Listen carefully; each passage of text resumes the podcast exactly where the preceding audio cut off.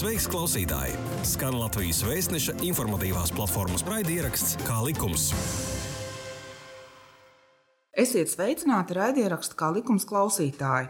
Mans vārds ir Inês Helmane, un šodienas raidieraksta tēma ir zemes grāmatas un to sniegtie pakalpojumi. Zemes grāmatās ir ziņas par apmēram 1,2 miljoniem nekustamo īpašumu.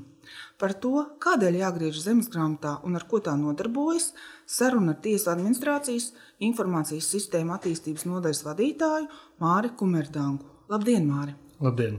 Zemes grāmatu likuma pirmais pants nosaka, ka zemes grāmatās ieraksta nekustams īpašums un nostiprina ar tiem saistītās tiesības. Zemes grāmatas ir visiem pieejamas, un to ierakstiem ir publiska ticamība.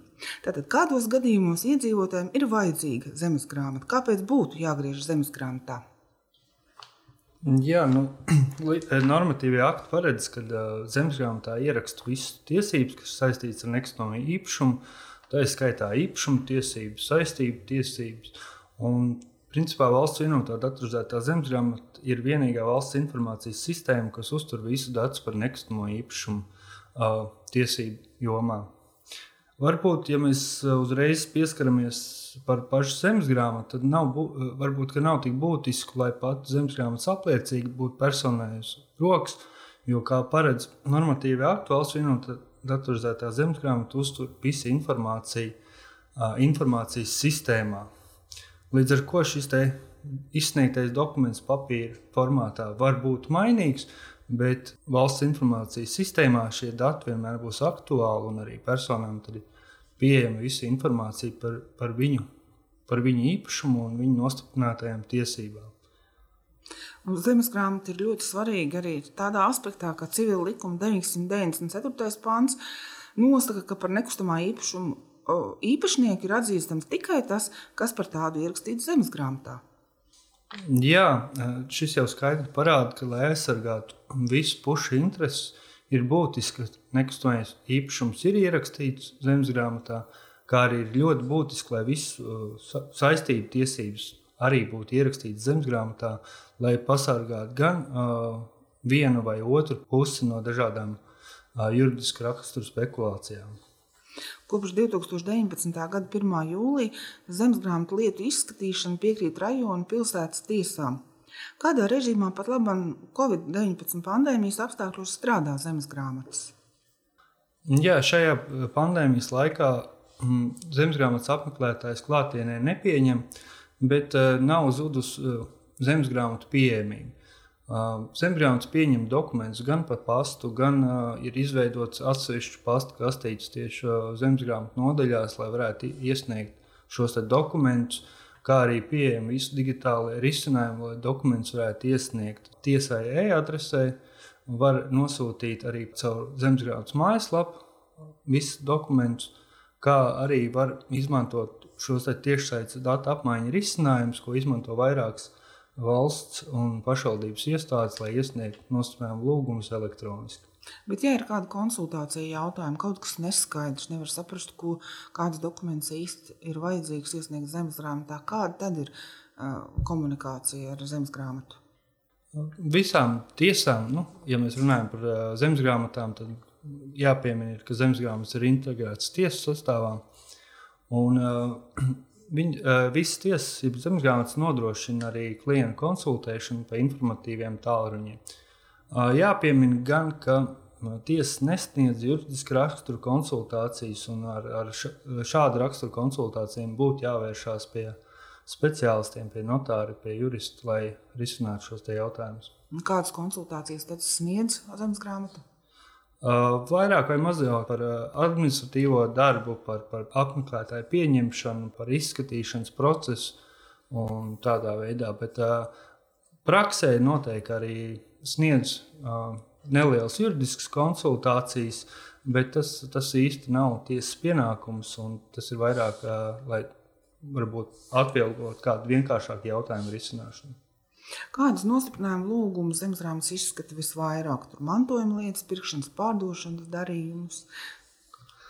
Un pēc statistikas, ja mēs paskatāmies, tad uh, nostiprinājuma lūgumu izskatīšanas skaits uh, salīdzinājumā pandēmijas laikā un varbūt pirms pandēmijas laiku īsti nav krities. Ir uh, ir aptuveni tādās, tādā pašā apjomā kā iepriekš, un arī līdz šim lielākais darījumu skaits ir ar pirkuma līgumiem, kas sastāv aptuveni vienu piekto daļu no visiem iesniegtiem nostrādājumiem, lūgumiem. Nu, tad tālāk varētu būt hipotēkas dzēšana un hipotēkas nostiprināšana. Šie ir trīs tādi lūguma veidi, kas ir tie apjomīgākie, kas parasti tiek iesniegti zemesgrāmatā. Ja, piemēram, jūs teicāt, pirkšanas pārdošanas darījumi, ja persona pērk nekustamo īpašumu, kurā zemesgrāmatā ir jāgriež ar dokumentiem, par to arī ir nereti lasītāji jautājumi, kad ir neskaidrības. Jā, pēc, pēc uh, zemesgrāmatu integrēšanas tiesās un tiesas reformas ir uh, lielāki šie tiesu apgabali. Un, ja mēs uh, paņemam par piemēru, teiksim, ja uh, darījums ir par nekustamo īpašumu, kas talsos, ir, tad uh, attiecīgi personai būtu jāgriežās Kurzemes rajona tiesā, lai iesniegtu dokumentus. Uh, Persona to var izdarīt jebkurā no kurzemes rajona tiesu, tiesu namiem, iesniedzot šo dokumentu, kā piemēram Ventspils, Liepāju, Kuldīgu vai Talsi. Un, un jebkurā no nodaļām iesniedzot šos dokumentus, šie dokumenti tiks pieņemti un attiecīgi tiks veikta lietas sadalījums starp visām kurzemes rajona tiesām un arī izskatīšana būs kādā no Kurzemes rajona tiesām. Vai, vai ir arī kādi citi novadi, kur ir būtiski mainījies tas sadalījums, kā jāiesniedz dokumenti? Visu šo informāciju par precīz, precīziem sadalījumiem var, ir pieejama mājaslapā, Zemesgrāmatas mājaslapā. Tur var ļoti uzskatām apskatīt, kurā pēc piekritības tiesā būtu iesniedzami dokumenti. Tur ir pat karte uzzīmēta. Ja? Tā jā, ir arī karte, un var apskatīt, jā, tad, kurā konkrētajā tiesā būtu jāgriežas ar, ar iesniedzamiem dokumentiem. Bet droši vien ir jāuzsver, ka visērtāk to ir izdarīt elektroniski. Mm. Bet, eh, vai ir kaut kāda starpība, cik ilgā laikā izskata nostiprinājumu lūgumus, ja iesniedz digitāli, vai papīra formātā, vai pa pastu, ja visā, visos gadījumos ir vienāds izskatīšanas laiks? Mm, pēc likuma ir noteikts izskatīšanas laiks, desmit dienas ar iespēju pagarināt līdz 30 dienām izskatīšanas laika, ja ir sarežģīta lieta. Bet, eh, ja mēs runājam par vidējo praktisko izskatīšanas laiku, tad vidēji Latvijā 2020. gadā bija aptuveni 6,8 dienas izskatīšanas laiks. Un, protams, praksē redzam, ka šis uh, izskatīšanas laiks atšķirās arī no dokumentu iesniegšanas veida. Uh, Respektīvi, ja mēs paskatāmies šos jaunos tiesas apgabalus, tad, ja lietu iesniedz vienā nodaļā, tad ir jāveic vairākas darbības, lai šo papīru, papīrā iesniegto lietu digitalizētu, jeb ieskanētu, un, un tad šī tie, lieta tiek iedalīta kādā no attiecīgajām tiesām. Pretstatā elektroniski iesniegta dokumenta nav vairs nepieciešams skenēt. Un, un, kā praksē rāda, tad eh, elektroniski iesniegt nosprājumu lūgumu tiek izskatīti uh, nedaudz ātrāk. Tas gan nav atregulēts uh, likumā, bet praksē redzam, ka šo lūgumu apstrāde notiek nedaudz ātrāk. Šī gada vidū tika mainīta valsts nodeva, kas bija salīdzinoši liela. Latvijā, piemēram, salīdzinot ar Igauniju un Lietuvu. Tā tika mainīta gan fiziskām, gan juridiskām personām. Vai varbūt jūs pastāstīt, cik tagad eh, liels ir valsts nodevas? Jā, tik būtiski mainīt uh, valsts nodevu, kas attiecās gan uz privātu personām, gan uz juridiskām personām. Uh, ja privātu personām iegūstot īpašuma tiesības, tās, tās mainījās no 2% uz 1,5% no darījuma vērtības. Tad juridiskām personām tieši vienā pozīcijā bija ļoti liels šis nodevs, nodevs izmaiņas no 6% uz 2%. Um, tas droši vien ir saistīts ar šo uzņēmēju darbības vidas attīstību un nepieciešamību atvieglot šo darījumu procesu arī juridiskām personām. Jo šie 6% iepriekš bija paredzēti, ja juridiskā persona iegūst īpašuma tiesības uz dzīvokļu īpašumu darījuma rezultātā. Tad tagad pēc jaunā regulējuma tie ir 2%. Bet mainīja nodevu tikai šajā vienā pozīcijā. Juridiskā persona iegūst tiesības uz dzīvokļu īpašumu. Jā, priekš juridiskām personām jā, jau iepriekš viņiem bija 2% uz citiem darījumu veidiem, bet tieši uz dzīvokļu īpašumu iegūšanu juridiskajai personai bija šie 6%, un tagad ir 2%. Vai tā valsts nodevas maiņa kaut kā ir mm, veicinājusi tas, ka īpašnieki nostiprina savas īpašuma tiesības zemes grāmatā, ko varbūt citreiz dēļ lielās valsts nodevas atlika? Uh, uz doto brīdi mēs varam tikai izteikt pieņēmumus, jo precīzi uh, šī statistika vēl nav apkopota, kā tad ir mainījies šīs te, mm, īpašuma tiesību nostiprināšanas zemesgrāmatā apjoms pēc šīs valsts nodevas piemērošanas. Uh, jo ir pagājis arī samērā neliels laika posms tikai no šīm jaunajām valsts nodevām, līdz ar to noteikti precīzāk, detalizētāku izpēti varēsim veikt pēc, pēc jaunā gada, kad varēsim apkopot jau plašāku informāciju un salīdzināt ar iepriekšējo gadu datiem. Bet jāņem vērā, ka uh, nedaudz ir būtiski ietekmējis arī pandēmijas laiks, līdz ar to uh, šī salīdzināmie dati varētu arī nebūt tik, tik precīzi vai arī kompetenti analizējami. Kā likums? Kā likums? Jā, tu klausies Latvijas Vēstneša informatīvās platformas raidierakstu Kā likums? Grozījums zemesgrāmatu likumā nosaka arī kancelejas nodevas apmēru samazināšanu, jo šis nodevu apmērs nebija mainījies kopš 2010. gada. Tad kāda būs jaunā kancelēs nodeva no 2022. gada 1. janvāra? Jā, kancelēs nodevs arī tiek mainīts un, un, un tās tiek noapaļots uz apaļiem skaitļiem, kā arī tiek noteikts atvieglojums, jeb kancelēs nodevs samazinājums, ja dokumenti tiek iesniegti elektroniski. Līdz ar to, ja mēs salīdzinām ar iepriekšējām kancelēs nodevām, tad uh, personām samazinājums būs tajos gadījumos, kad dokumenti tiks iesniegti elektroniski. Ja dokumenti tiks iesniegti papīra formātā, tad būs neliels, neliels kancelēs nodevs pieaugums.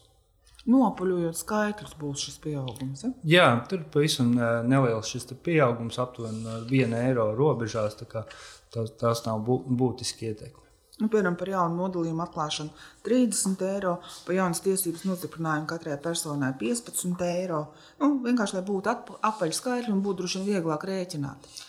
Jā, tas ir eh, noteikti likumdevēji vēlme ir bijusi, lai šī kanclēs nodevs sastādītu apaļu skaitļu, jo, kā mēs zinām, pēc, pēc uh, eiro ieviešanas bija šie skaitļi bija diezgan precīzi līdz centam. Un, un, uh, nebija tik viegli ar viņiem operēt, un, un ne, nevienai, ne otrai pusē arī pie aprēķināšanas bija vairāk kļūdas.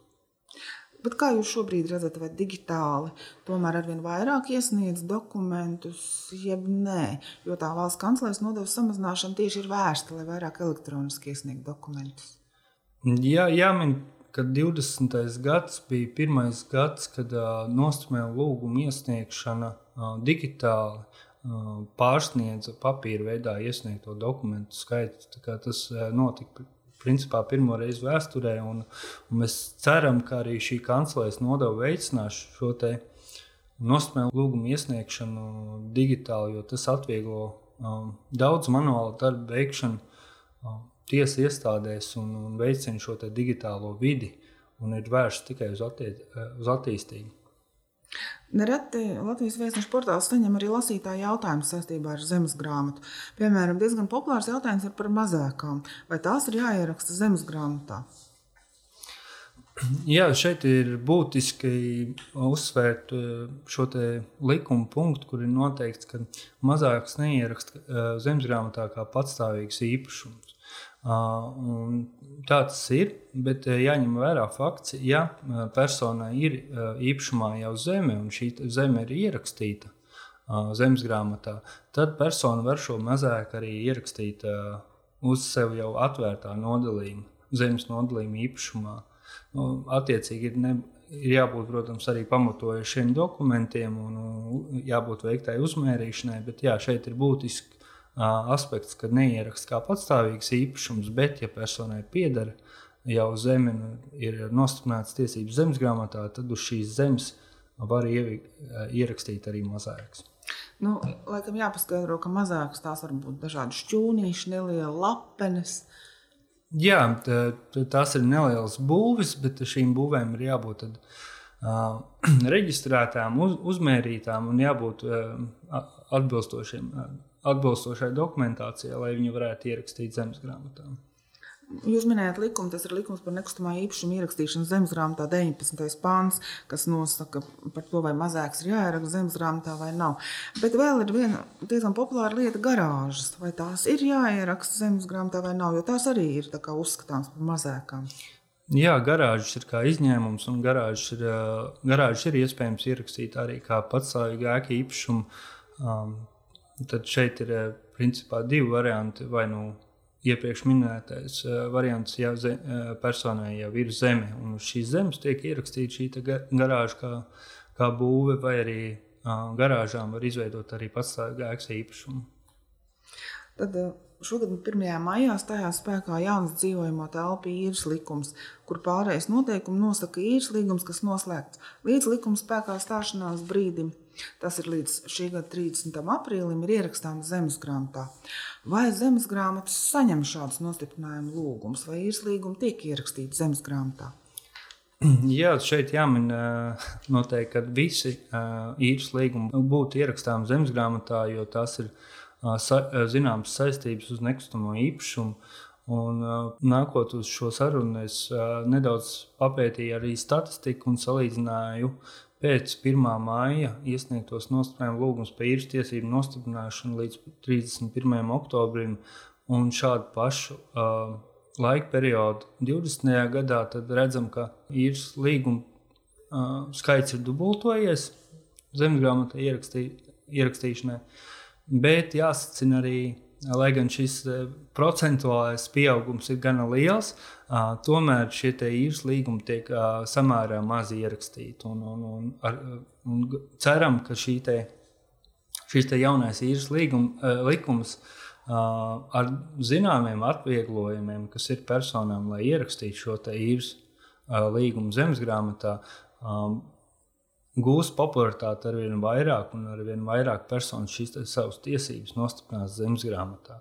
Jo, kā mēs zinām, pie atvieglojumiem jaunajā īres likumā ir noteikts, ka personām nav vairs jāveic kanclējas nodevs samaksas, kā arī ir vienkāršot šo dokumentu sastādīšanu, jo personas var arī negriezties pie notāra, ja personam ir elektroniskais paraksts un tiešo no zemesgrāmatas mājaslapas jau iesniegš šo nostiprinājumu lūgumu izmaksas ir gana zemākas, lai šo jautājumu sakārtotu. Ceram uz, uz sabiedrības atsaucību un, un vēlmi šo dokumentālo pusi sakārtot arī zemes grāmatā. Un kāpēc, jūsuprāt, īres līgums tomēr vajadzētu ierakstīt zemes grāmatā? Uh, tas ir būtiski ties, tiesību aizsardzībai gan, gan kā īpašniekam, gan, gan īrniekam, lai mm, definētu un lai būtu šī tiesiskā aizsardzība un uh, pasargāt abas puses, tad ir būtiski šo īres līgumu arī ierakstīt zemes grāmatā. Nu, nereti ir tā, ka varbūt kaut kas nepatīk tiesneša lēmumā, vai tiesnesis kaut ko nenostiprina. Kāda ir iespēja cilvēkiem pārsūdzēt zemesgrāmatu tiesneša lēmumu? Um, Jebkurā ties, zemesgrāmatas tiesneša lēmumu var pārsūdzēt attiecīgās fiktīvas apgabala tiesā, un tā jau ir um, standarta procedūra, uh, lai šo lēmumu pārsūdzētu. Tie ir jāveic divu nedēļu laikā no lēmumu saņemšanas. Uh, šāda praksa ir vērtējama kā neliela procentāli, ka tiek pārsūdzēti tiesnešu lēmumi, bet ir gadījumi, jā, kad uh, iesaistītās puses, kas ir iesnieguši kādu lūgumu, tad vēršās apgabalu tiesā pārsūdzot šo lēmumu. Kas ir nekustamā īpašuma nodalījums? Ko tas nozīmē? Nekustamā īpašuma nodalījums ir visu uh, ierakstīt, visas ierakstītās informācijas apkopojums. Uh, Respektīvi, katram īpašumam Latvijā veidojot, tiek izveidots atsevišķs nodalījums ar atsevišķu nodalījumu numuru. Un šajā nodalījumā tad tiek ierakstīta visa informācija par attiecīgo nekustamo īpašumu, par, par īpašumu sastāvu, par īpašniekiem, par nostiprinātājiem, tiesībām, aizliegumiem, kā arī pilns nodalījums satur arī visu vēsturisko informāciju, kas ir bijusi ierakstīta zemesgrāmatā, zemesgrāmatā par konkrēto īpašumu. Nereti ir lasītāji jautājumi, kur viņi jautā, kur var redzēt, vai īpašumam ir apgrūtinājumi, jo tas, laikam, ir pats svarīgākais. Jā, jāmin, ka nostiprinātie apgrūtinājumi vai kādas lietu tiesības, kas apgrūtina īpašumu, to visu var redzēt zemes grāmatā, apskatot nodalījumu norakstu par īpašumu, tad arī minēt visi nostiprinātie apgrūtinājumi. Ja mēs Atcaucamies uz iepriekš jau runāto arī par īres tiesībām, tad arī īres tiesības principā ir kā īpašuma zināmā, zināmā veida apgrūtinājums. Līdz ar to ir būtiski, lai personas ieraksta visus šos apgrūtinājumus, lai in, trešajām iesaistītajām pusēm vai jebkurai personai būtu iespējams pārliecināties, vai uz konkrēto īpašumu ir kādi apgrūtinājumi vai nav. Bet vai ir kaut kāds īpašs nodalījums, kurš šos apgrūtinājumus tieši ieraksta? Šis ir konkrētā īpašuma nodalījumā. Nodalījums ir, ja, ja mēs vienkāršiem vārdiem runājam, tad nodalījums ir kā um, tāda zināmā veida pilns īpašuma izraksts, kur vienā no sadaļām arī tiek minēti visi šie apgrūtinājumi un aizliegumi. Mm. Tātad apgrūtinājumus var redzēt vienā no sadaļām. Jā. Tad rūpīgi ir jāizlasa šis nekustamā īpašuma nodalījums. Jā, jāizlasa ne, nekustamā īpašuma nodalījums. Tur jūs izlasīsiet visu informāciju, kas būs ierakstīta zemes grāmatā par konkrēto īpašumu, ar visām saistītajām tiesībām, kas tur ir nostiprinātas. Un tātad, ja es gribu redzēt apgrūtinājumus vai vispār um, kaut kādus darījumus ar šo nekustamo īpašumu, kādu informāciju un kur es varu saņemt? Vis, visvieglāk šo informāciju ir saņemt mūsu mājaslapā zemesgrāmatu.lv, kur uh, autorizējaties ar um, populārākajiem autorizācijas līdzekļiem, kas ir ar banku starpniecību, ar um, elektronisko ID karti, ar e-parakstu, ar e-parakstu mobile. Un tad varat piekļūt visiem datiem par saviem īpašumiem, kā arī par jebkuru interesējušo jums īpašumu. Samaksājot nelielu apmaksu par šo pakalpojumu, varat arī iegūt pilnu informāciju par nekustamo īpašumu ar visiem tā apgrūtinājumiem un nostiprinātajām tiesībām. Bet kas, kāda informācija ir bez maksas un kāda ir par maksu? Ko es varu redzēt bez maksas? Bezmaksas informācija ir principā tikai īpašumu identificējošie dati. Bet jāmin arī, ka jebkurai personai par saviem īpašumiem visa informācija ir bezmaksas. Tad, ja jūs autorizējaties ar šiem drošiem autorizācijas rīkiem, par saviem īpašumiem visu informāciju jūs varat apskatīt mājaslapā bez maksas un pārliecināties, vai visi dati atbilst uh, atbilst esošajai situācijai. Bet, ja jums interesē kāds cits īpašums, kas nav jūsu īpašumā, jā, tad šis jums būs maksas pakalpojums, kas ir minēts tiesas administrācijas maksas cenrādī, un tad attiecīgi veicot šo apmaksu tiešsaistē, jūs iegūsiet pilnu informāciju par jebkuru jums interesējošo īpašumu. Bet, nu, piemēram, es zinu tikai adresi. Bet es nezinu, piemēram, īpašnieka vārdu, uzvārdu, vai es, kā es varu meklēt to īpašumu. Arī tad, ja tas nav mans īpašums, un es esmu mieru samaksāt par informāciju. Jā, nu šeit ir būtiski, ka, ka jebkurai personai ir tiesības meklēt uh, īpašumu pēc īpašuma identificējušiem datiem, respektīvi pēc adreses, kadastra numura, nodalījuma numura, īpašuma nosaukuma.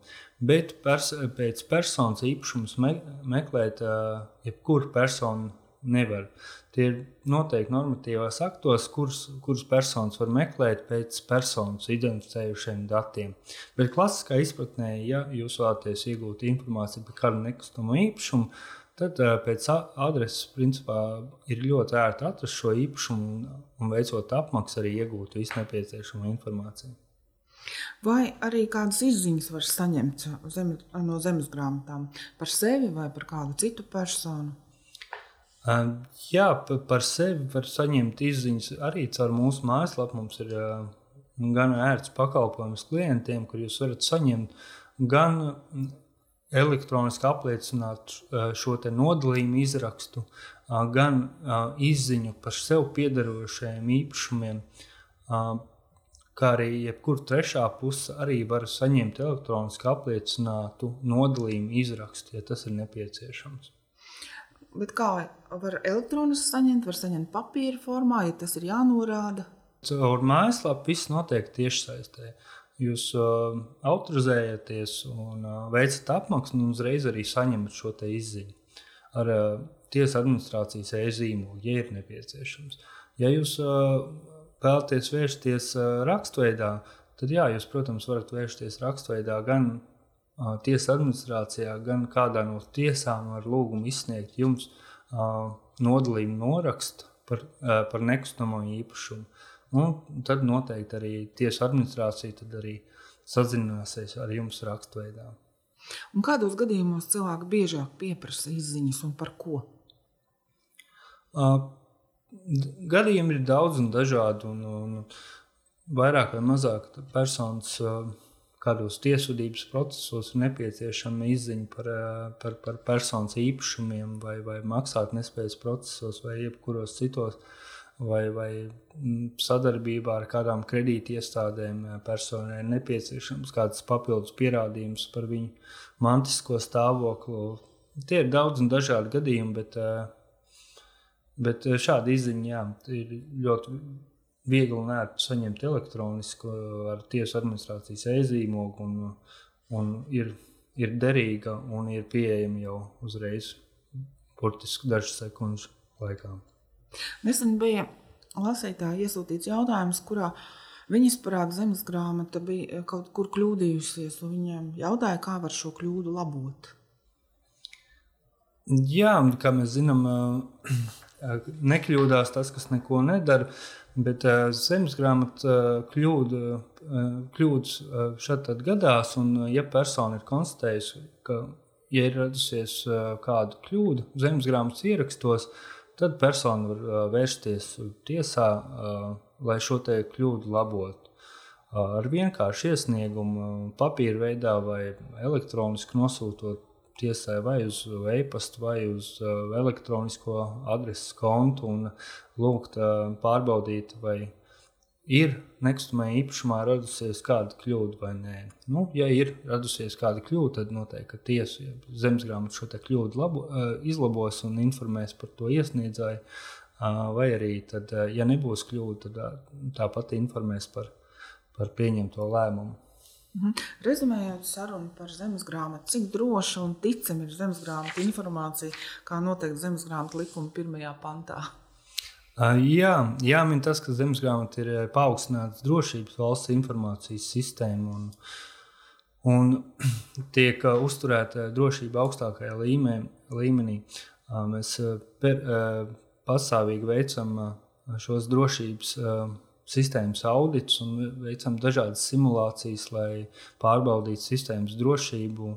Un, Kopš datorizētās zemes grāmatas ieviešanas nav konstatēta drošības incidenti, līdz ar to mēs aktīvi strādājam pie tā, lai nodrošinātu šo drošo vidi un lai mēs varētu godprātīgi pateikt, ka jā, uh, zemes grāmatā ir publiska ticamība un tā ir droša valsts informācijas sistēma. Un, un uh, šīs sistēmas informāciju izmanto ļoti daudz uh, valsts, un ne tikai valsts, valsts pašvaldības un dažādas iestādes. Kā, uh, mums ir būtiski jā, šo informāciju glabāt. Tad, tātad zemes grāmatas vienoto, apvienoto datorizēto sistēmu nav skāris Covid-19 izplatītie kibernoziegumi. Nē, mums nav, skār, nav bijuši tādi drošības incidenti. Jāmin, ka šo gadu laikā ir bijušas kādas indikācijas par mēģinājumiem sistēmu ietekmēt no, no ārienes, bet mūsu drošības, drošības līdzekļi vienmēr ir bijuši gana spēcīgi, lai šos uzbrukumus noraidītu. Lielas paldies par sarunu. Paldies. Atgādināšu, ka klausījāties raidierakstu kā likums, un šoreiz sarunas tēma bija zemes grāmatas un to sniegtie pakalpojumi. Šī bija iknedēļas pusstunda kopā ar oficiālā izdevēja Latvijas vēstneses informatīvās platformas raidierakstu Kā likums. Pastāsti citiem, ja bija noderīgi un interesanti. Kā likums, tiekamies ik trešdienu!